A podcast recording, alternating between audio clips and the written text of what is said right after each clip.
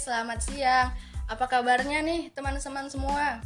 Senang sekali saya Yuni Natalia S bisa kembali menyapa teman-teman di podcast kali ini yang berjudul Demi Sebuah Konten. Kenapa sih kami tertarik mengangkat judul podcast Demi Sebuah Konten? Karena memang sudah banyak sekali masyarakat yang meresahkan dikarenakan mengambil foto ataupun video di sekitar erupsi Gunung Semeru yang nantinya akan dijadikan konten di sosial media demi mendapatkan viewers dan penghasilan untuk kepentingan pribadi. Nah, dari topik yang sudah saya paparkan tadi, coba kita tanya nih pandangan dari teman-teman saya yang tentunya sudah menemani dari awal podcast tadi. Pasti teman-teman yang mendengarkan penasaran nih, dengan siapa sih saya hari ini? Boleh dong guys, coba perkenalkan dulu dirinya. Halo semua teman-teman, perkenalkan nama saya Kezia Narwastu S. Halo teman-teman, nama saya Umi Rizka Prianti yang menemani uh, Yuni di podcast kali ini. Wah, keren nih. Ada tiga Sri Kandi hari ini yang akan membahas topik yang tentunya menarik banget. Boleh dong kita tanya nih pendapat dari Kezia mengenai hal ini. Bagaimana sih menurut Kezia mengenai topik yang sudah saya jelaskan tadi? Nah, benar nih Yun. Belakangan ini Eh, maaf nih Yun, tadi agak ngeblank sedikit nih. Nah, menurut saya belakangan ini sepertinya kata bencana itu sudah akrab di telinga masyarakat Indonesia. Seperti yang telah terjadi saat ini, yaitu erupsi Gunung Semeru. Nah, dapat kita lihat di media sosial banyak para warga yang telah mengambil dan melakukan foto selfie atau sekedar mengabadikan suasana lokasi yang terdampak.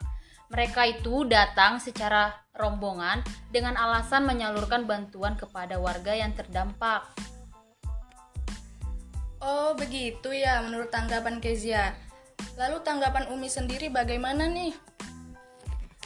Nah, kalau menurut saya sih benar sih tadi yang disampaikan Kezia dan Yuni.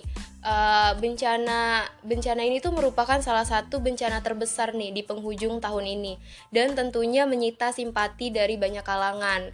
Uh, hal ini juga menjadi perhatian dari masyarakat selama beberapa minggu ini nih hingga viral di mana-mana.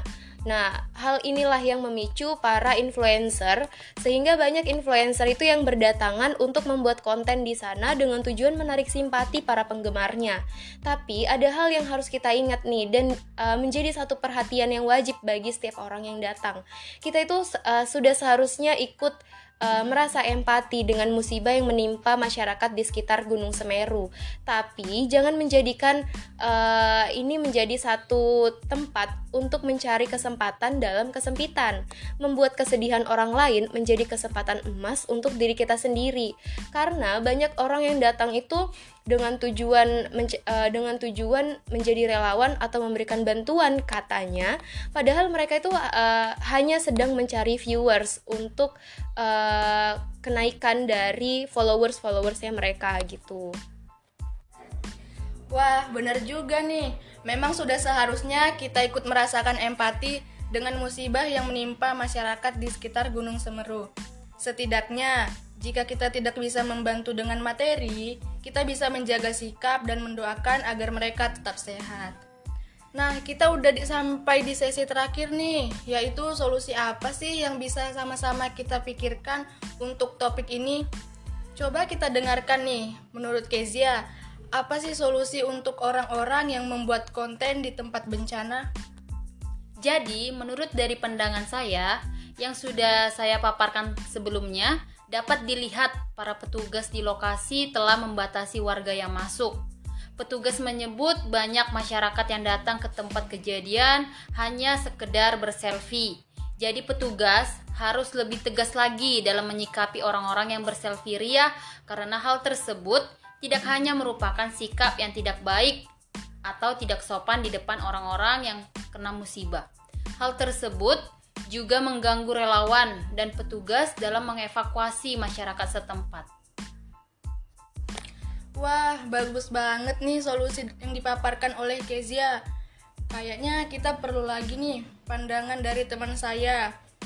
Boleh dong disampaikan oleh Umi apa sih solusi dari topik kita kali ini? Uh, menurut saya untuk solusi kali ini nih sebenarnya uh, bisa nih sebuah konten itu bisa kok menjadi hal yang positif. Nah kita bisa melihat hal ini dari sudut pandang yang berbeda dari sudut pandang yang lain. Jika kita lihat sebuah konten itu sebenarnya bisa kok menghasilkan pundi-pundi rupiah. Nah hal ini nih yang sebenarnya dapat membantu saudara kita di sana dan hal ini juga yang menjadi uh, salah satu hal yang dibutuhkan untuk saudara kita yang ada di sana hasil dari AdSense uh, yang didapatkan oleh influencer ini bisa dialihkan kok untuk menjadi sebuah donasi. Nah, jadi solusi di sini adalah mengajak para influencer untuk bersama-sama berdonasi melalui cara tersebut. Nah, jadi kita nih sebagai manus eh, sebagai mahasiswa itu seharusnya uh, bisa nih menjadi influencer tersebut. Uh, kenapa saya berpikir demikian? Karena Indonesia ini merupakan negara dengan rakyat yang latah. Uh, dengan kata lain latah Latah itu gimana sih? Uh, jika satu saja influencer itu membuat hal tersebut dan menjadi viral, itu pasti akan diikuti oleh influencer lainnya. Nah, kita sebagai mahasiswa bisa nih menjadi pemicu dari uh, hal tersebut supaya influencer-influencer lain uh, mengikuti nih uh, jejak kita untuk berdonasi melalui sebuah konten. Jadi sebuah konten itu uh, yang ada sebuah konten nih yang ada di tempat bencana itu bisa kok menjadi hal yang positif. Tapi hal yang harus kita perhatikan nih dan kita terapkan adalah selalu melihat kondisi dan situasi saat itu. Jangan pula nih saat mereka lagi sedih atau saat mereka lagi riweh, lagi gotong gotong royong membantu uh, dan mengevakuasi masyarakat yang di sana, kita juga ikut heboh sendiri membuat konten. Hal tersebut tidak uh, sangat-sangat tidak sopan dan tidak etis uh, untuk berada di sebuah tempat yang sedang terkena uh, bencana atau terkena musibah. Jadi, buatlah konten yang positif dan tentunya konten yang mendidik untuk kita semua. Nah, kita udah sama-sama mendengarkan solusi dari dua teman saya tadi nih. Kalau menurut saya pribadi, solusi untuk topik ini adalah jika kita tidak bisa membantu dengan materi, setidaknya kita bisa membantu dengan tenaga dan jasa yang kita punya. Contohnya, galang dana, membantu sebagai relawan di sana dalam mengevakuasi korban atau menyalurkan bantuan. Nah, solusi yang kedua ada di pasal 27 ayat 2 yaitu Tiap-tiap warga negara berhak atas pekerjaan dan penghidupan yang layak bagi kemanusiaan. Dan ada juga nih di pasal 30 ayat 1, yaitu hak dan kewajiban warga negara untuk ikut serta dalam pembelaan negara. Kesimpulan untuk podcast kali ini ialah jangan mendulang emas di sebuah tempat bencana. Jangan mencari kesempatan dalam kesempitan, tapi jadikanlah kesempatan itu sebuah emas yang dapat kita nikmati bersama-sama, bukan hanya untuk kepentingan pribadi saja. Nah, sekian podcast dari kami hari ini mengenai topik demi sebuah konten. Terima kasih sudah mendengarkan. Mohon maaf apabila ada kesalahan. And see you the next episode. Bye bye. bye.